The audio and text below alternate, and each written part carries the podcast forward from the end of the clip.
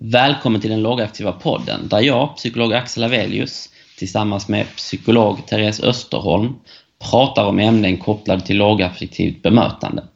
Ni hittar oss på iTunes där vi heter Lågaffektiva podden eller kan ni lägga till oss i ert RSS-feed.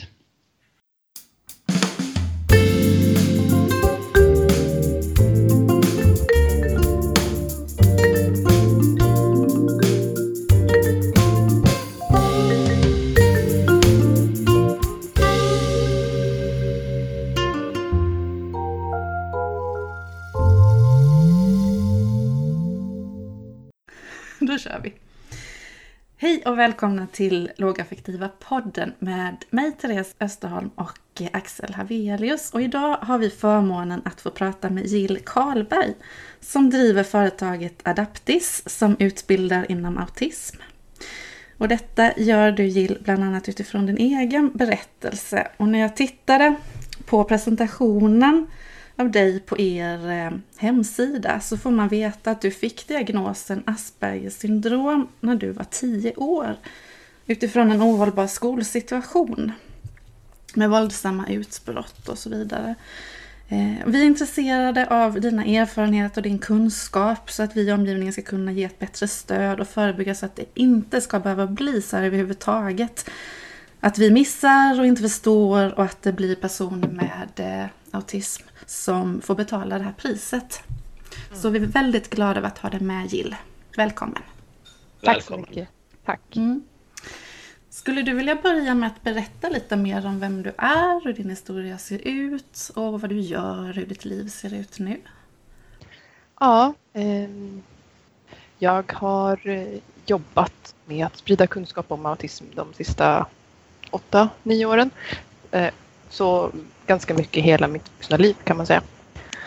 Jag kom direkt från eh, gymnasiet och visste inte riktigt vad jag skulle göra. Jag hade ju lyckats för jag hade ju fått stöd och hjälp och så. Men jag visste liksom inte hur jag skulle göra när man skulle börja jobba och vara vuxen och ja, alla de där sakerna. Jag provade att jobba lite på vanliga jobb och försökte ha chefer som skulle bestämma hur man skulle göra och så men det gick inte så bra. Eh, och Istället så startar jag eget. Och det är min, min passion, att prata om hur man kan göra livet bättre för de som har det så som det var för mig när jag var liten. Och hur ser det ut just nu? Just nu så ser det ut att jag är ute och föreläser väldigt, ja. väldigt mycket. Eh, några gånger i veckan under säsong. Ja. Och sen, sen har man lite ledigt så runt jul och ibland på sommaren. Fast det blir mer och mer efterfrågan att det är fler och fler ställen som vill att jag kommer och berättar hur det var för mig, hur det såg ut, vad de vuxna gjorde som var bra och mindre bra. Och, och så. Vilka, vilka kan du föreläsa för? Det är ju, Exempelvis. Alltså det är ju verkligen alla. I ja. första åren så var det mycket skolans värld och sen så blev det mycket myndigheter. Men sen har det växt och blivit anhöriggrupper, personer med egen diagnos, eh, lärare, pedagoger, psykologer, vården, ganska mycket i vården. Eh, och egentligen alltså alla. Eh, polisen, rättsväsendet. Det här är ju någonting som berör alla så att det är kul när man får komma till lite ovanliga ställen. Ja, kul. Eh, vi undrar också hur du kom i kontakt med lågaffektivt bemötande. Mm. Det måste ha varit eh, 2010-2011 någon gång när jag fick förmånen att gå på en föreläsning med Bo Hillskov. Och då hade jag alltså aldrig hört talas om lågaffektivt bemötande innan det. Nej. Eh, och när han berättade och beskrev hur det upplevs, eh, alltså ur sin professionella roll så beskriver ju Bo hur, hur han har förstått att personer med autism upplever allt, alltså mycket som inte är lågaffektivt. Och jag kände igen mig så himla mycket. Jag har ju mycket erfarenheter av just den här ilskan och det utåtagerande, de här utbrotten, att bli nedlagd, att bli fasthållen. Eh, och jag förstod vad det har gjort med mig. Ja. Det hade inte jag förstått innan. Mm. Så du har, du har tråkiga erfarenheter av det? Ja, det får man ju säga. Och mm. även om, jag brukar säga så här, alla runt mig har nog gjort sitt bästa. Man hade inte en bättre metod. Mm. Eh, så det är ingen som har gjort någonting på, på illvilja. Det förstår jag och förhoppningsvis andra som lyssnar på mig också. Eh, men det hade ju varit bra om lågaffektivt bemötande hade funnits som ett alternativ när jag var liten. Ja. Vad tror du skillnaden hade blivit om, om personer i omgivningen, jag tänker det var skolpersonal som eh, inte, inte kunde bättre, men vad hade skillnaden varit om eh, man hade använt ett lågaffektivt bemötande? Gentemot Ja, om man säger så här. Eh, jag har ju erfarenhet av skolan under flera års tid när man inte hade en annan metod alls. Mm. Eh, och då var det mycket fasthållningar och det här att jag blev mer och mer arg och jag blev mer och mer rädd för att bli arg. Mm. För jag visste ju inte vad som skulle hända. Ska jag bli nedlagd? Ska jag bli fasthållen? Ska jag eh, liksom göra illa en annan person? Ska jag göra illa mig? Jag blev så rädd. Och Mm. ju räddare jag blev, desto argare blev jag och desto räddare blev de vuxna runt mig. Så det du blev rädd för en- din egen reaktion? Jag var jätterädd för min egen reaktion. Mm. Och det har ju satt spår även nu i vuxen ålder. Eh, och, och det blev verkligen en negativ spiral för alla inblandade. Det blev väldigt svårt att överhuvudtaget bemöta mig. För att det blev så mycket negativt. Mm. Eh, medans sen så fick jag komma till en specialskola och jag fick också komma till ett korttidsboende där man jobbade eh, så det här var ju någon gång på 90-talet så eh, men man jobbade enligt teach-pedagogiken. Mm. Ja. Eh, och, det, och den metoden eh, fungerade ju väldigt mycket bättre. Så jag fick, jag fick jobba med mina styrkor, jag fick vara arg färdigt. Det var ingen som liksom blev rädd när jag blev förbannad. Det var ingen som la ner mig, höll fast mig.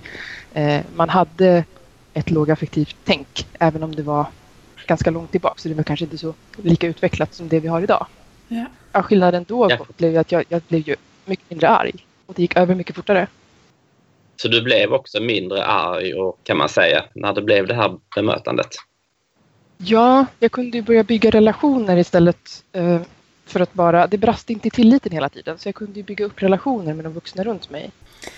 Eh, när vi eh, tänk, har tänkt kring autism så är det ju tydligt att vi har tänkt, eh, jag tänker eh, eh diagnostisering när man kikar eh, och fastställer diagnos. Så är det ju tydligt på senare tid hur fel man har tänkt i och med att flickor eh, missas eller eh, diagnostiseras mycket, mycket senare än pojkar. Hur kan det komma sig att det har blivit så här? Ja, det är, det är svårt att ge en snabb enkel förklaring. Det finns så många olika faktorer i det där, tror jag. Eh, dels att flickor Mm. traditionellt är mer tysta, inåtvända, skapar inte lika mycket problem i Mm. klassrummet eller på dagis eller så. Eh, flickor uttrycker ju oftare sin frustration hemma. Eh, eller där man känner sig trygg. Så det kan vara kanske med en person eller med en, med en väldigt liten grupp människor. Och då får vi det här eh, alltså schismen mellan en yrkesverksam grupp och föräldragruppen som finns liksom, i vissa Mm. sammanhang. Just det. Mm. Där man inte riktigt litar på föräldrarna för att i sin profession så tänker man att, att jag ser någonting som föräldrarna inte förstår. Så. Mm. Eh, och när flickorna då bara uttrycker den här frustrationen, de här svårigheterna hemma, då blir det ju så. Som, som proffs så missar Mm. man det då. Men Vi har tänkt i en särskild kontext innan. ja, precis. Mm. Traditionen säger ju också att vi utgår ifrån pojkarnas sätt att uttrycka sina symptom. Och då blir det ju konstigt. I när mallarna inte passar och det kommer en person som man uttrycker sig på ett helt annat sätt. Det gäller ju både flickor och pojkar som inte uttrycker sig så traditionellt. Om man inte är 12 år och gillar tågtidtabeller, liksom, passar man inte i mallen. Ja. Ja. Och jag, jag tänker när jag läste eh, på din hemsida kring när du fick din diagnos. Det var ju ändå relativt tidigt eller man ska säga. även- fast eh, det hann krascha på vägen. Men eh, sp- spelade ditt utåtagerande beteende, eller jag tänker att det spelade roll där i att man märkte att men det här är, nu är det någonting. Så. Ja, och jag var ju en ganska typisk pojkflicka när jag var liten. Eh, Jag hade väldigt pojkiga intressen. Jag gillade spel och ja, sådana saker mycket. Och sen så var jag otroligt utåtagerande. Otroligt våldsam. Så det är klart, de var ju tvungna att göra någonting för det blev ju ohållbart för alla. Kan det vara så att det är så vi agerar fortfarande idag? Att just det utagerande beteendet först sätter igång en process och att de som är mindre utagerande glöms bort lite. Ja, men det tror jag. Eh, det är så lätt att se oss som, som jagar folk med sax och som kastar bänkar genom fönster och som sparkar sönder dörrar. Eh, ja. Vi är väldigt uppenbara kan man säga. Ja. Medan någon som kanske självskadar eller eh, kräks varje dag när de kommer hem från skolan eller eh, blir hemmasittande eller så. De blir ju inte lika uppenbara. Så är det. Mm. Man tänker nog också att det kostar mer pengar och mänskligt lidande när vi möter personer som är som jag. Att man är våldsam och utåtagerande. Eh, men jag menar, forskningen visar ju att det inte är så. Nej, ibland verkar det som att det, det finns en chimär här att eh, många flickor eh, som vi ser har den här problematiken fungerar ytligt sett i socialt samspel på ett annat sätt mm. än vi har tänkt traditionellt. Mm. Men tittar man också på vad som händer i långa loppet då hade det ju varit bättre om vi hade varit duktiga på att se problemet tidigt och göra tidiga interventioner. Mm. Verkligen. Eh, jag tänkte hoppa över till ett helt annat ämne om ni tycker det är okej. Okay. Absolut. Ja. Eh, nu benämns ofta vissa diagnoser som funktionsvariation istället för funktionsnedsättning. Eh, jag och säkert Therese också har stött på personer som var väldigt positiva till begreppet. Sen finns det vissa som tycker att det är en missvisande bild. Har du reflekterat kring detta fenomen och vad tänker du om det i så fall? Mm, det är klart jag har reflekterat. Ehm, jag tänker att jag gillar ändå ordet funktionsvariation. Ja. Alltså jag, jag tycker det är ett bra uttryck. Eh, jag tycker att det säger väldigt mycket. Det är ett ganska beskrivande ord. Det är en variation i funktionen. Ja. Eh, och jag tänker att eh, vi behöver utveckla mer språk runt det här. Ja. Jag menar skillnaden på funktionsnedsättning och funktionshinder är inte klar för alla. Nej. Det är ganska luddigt och det används, man, man byter ut dem där fram och tillbaks. Så det är eller bättre handikapp. Så, ja men precis, eller handikapp. Mm. Och jag tycker att det är bra att vi påbörjar processen att skapa fler ord för att kunna säga fler saker. Ja, absolut, det blir ju förhoppningsvis, tänker jag, mer acceptans kring olika sätt att fungera som inte behöver vara i det initiala skedet en mm. nedsättning. Nej, men faktiskt. precis, för det är inte egentligen det vi vill beskriva. Ja. Vi vill beskriva anpassskapet, inte mm. problemet. Och där tänker jag att funktionsvariation fyller en funktion. Men ska man sen prata om styrkor och svårigheter, då får man kanske ha andra ord för de specifika sakerna i, längre fram i den här processen. Ja. Mm, precis, så att det blir tydligt då att i vissa situationer eller utifrån vissa krav så då, då, räcker, då räcker det inte till att prata om variation utan då behövs det till exempel stöd eller kravanpassning. Eller, ja, så ja, men precis. Men vi måste också ha ett basord som handlar om att den här personen har en annan funktion. Och, och då är det ganska kliniskt och tråkigt att hålla på och prata om eh, MPF-gruppen eller människor med neuropsykiatriska funktionsnedsättningar. Alltså det blir ganska det blir långt och stökigt och ganska mm. uteslutande i många sammanhang kan man säga så här, vi vänder oss till alla, även dig med funktionsvariation. Det är jättebra. Ja. Jag tänker verkligen det fyller en funktion. Eh, sen är det ju, jag tänker också att det är hur man väl hanterar begreppet sen för att vissa har ju rädslan av att man ska på något sätt normalisera det och det innebär att man inte behöver någon insats eller hjälp. Mm. Eh, men jag tänker att det, är ofta en så rädsla som inte riktigt behöver betyda någonting. Mm, men det är också såklart viktigt att vi lyssnar på dem eh, som själva är berörda av det här, de som har någon, någon diagnos eller funktionsvariation som känner att det inte känns schysst mm. att kalla det för det. Då ska ja. vi inte göra det i, i sammanhang där de är inblandade. Och det är svårt. Mm. Det, det, är ett, det är ett fält som är i förändring kan man säga. Det händer väldigt, väldigt mycket på den här fronten just nu. Ja, det gör det verkligen. Eh, om man tänker vi som arbetar med personer som har både funktionsnedsättning men också funktionsvariation. Eh, när, eh, jag tänker i det dagliga arbetet som både psykolog men om man arbetar på skola eller inom LSS eller psykiatrin. Vad har spelat roll för dig och vad tänker du att vi borde tänka på mera i det här arbetet? Mm. Att våga fråga tror jag. Det, det är nog det allra, allra största.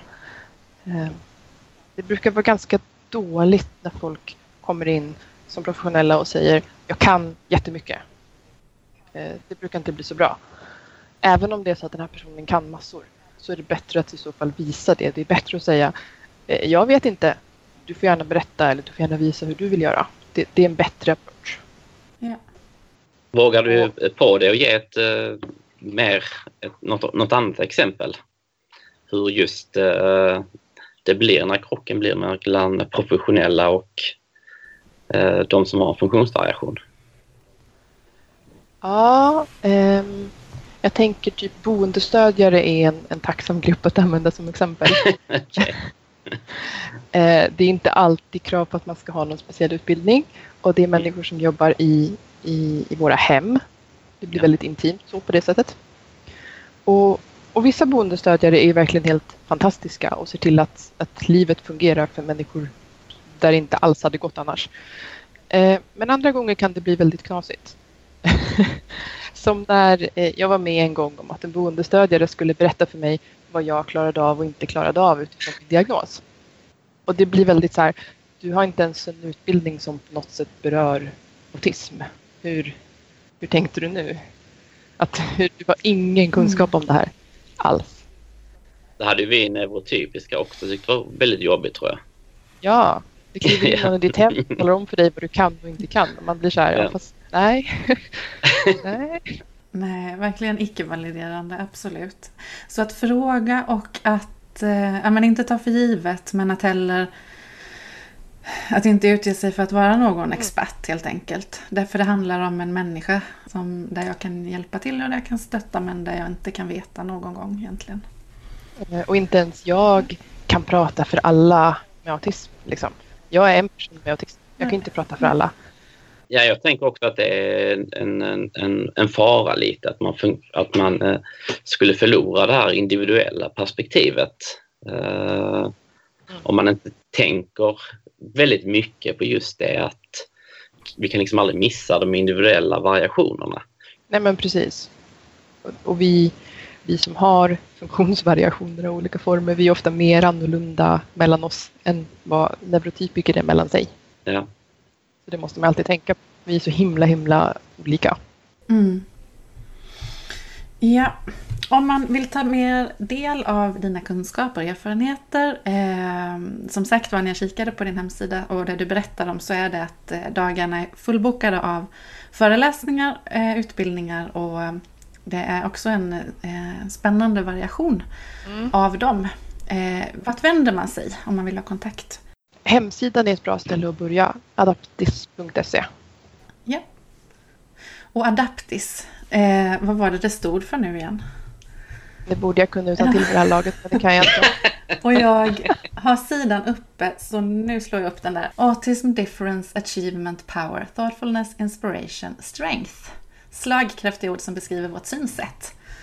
Precis, ja. just det. Och där under så eh, eh, står det också att vi tänker att annorlunda människors synsätt är nödvändiga för att få världen att fortsätta utvecklas. Annorlunda tänkare har funnits i alla tider och i många fall ansetts galna av sin samtid. Det tyckte jag var väldigt eh, charmigt. Ja, ja, men vem går ut och säger så här, hörni, jag tror att jorden är rund. Ja, det behövs ju någon som tänker på ett annat sätt och som heller inte bryr sig om att eh, andra inte tänker likadant. Ja, Absolut. som vågar sticka ut på annorlunda. Det, ja, Aha. det är vi. Mm. Får jag fråga, nej men det, det jag funderar kring är vad, vad som gav dig mod att eh, stå upp ändå och eh, tala för det här? Mm. Det är ju faktiskt en jättebra historia. Jag fick frågan i, i slutet av gymnasietiden så om, jag tror att det var skolsköterskan som kom till mig och sa där, Jill, skulle du vilja berätta lite om din tid här på den här skolan och prata om vad som har varit bra och vad som har varit dåligt? Och jag tänkte, ja, kan jag väl göra. Och så var vi på något konferenscenter där och eh, kom upp på den här scenen och så satt alla lärare. Det var ganska många, ett par hundra. Och så ställde skolsköterskan lite frågor så här. Vad, vad funkar bra, vad funkar dåligt, vad kunde varit bättre? Någon speciell liksom, sak så. Och jag pratade lite. Jag tyckte väl mest att jag klagade Så. Okej. Eh, men det var alltså, ja, positivt och negativt och vad som hade funkat och inte funkat och så. Och sen efteråt så kom alla mina lärare och var, alltså en del var ju som tårögda och så här, oj. Alltså, de sa att jag ha- hade förändrat deras liv. De sa så här, ah, nu förstår jag saker jag aldrig har förstått förut och nu förstår jag elever som jag inte har kunnat relatera till. Jag kommer kunna bli en mycket bättre lärare, göra ett mycket bättre jobb tack vare det du har berättat här idag. Och då var det som att någonting klickade in i mig. Det tändes liksom en liten eld och jag tänkte oj, det här, det här kanske man kan göra för fler skolor. Ja. Och på den vägen är det. Ja. Ja. Du fortsätter att sprida kunskap och inspiration. Ja. Och det gör sån himla stor skillnad och jag märker på en gång att jag gör skillnad. Det är otroligt givande. Ja, för jag tänker också på det du sa just i början att ofta är det kanske inte illvilja som eh, är orsaken till eh, liksom ett, ett dåligt bemötande eller en, en situation som eh, inte blev bra i Mm. slutändan. Nej, och det är alltid viktigt att ha med sig tycker jag. Eh, jobbar man med människor har man valt att göra det. Det är ganska sällan bra betalt. Man gör det inte för att man blir rik på det. Man gör det för att man brinner för att hjälpa andra människor.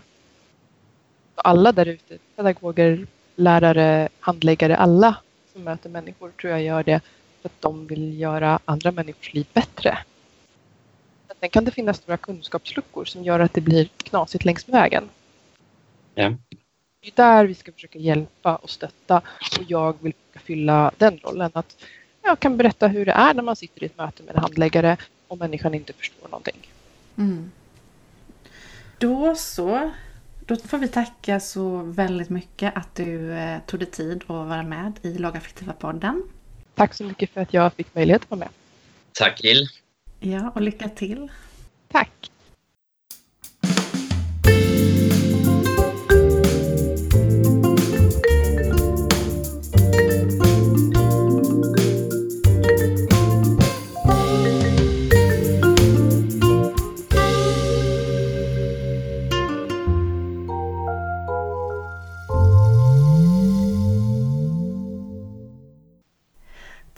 Att du lyssnade på den lågaffektiva podden.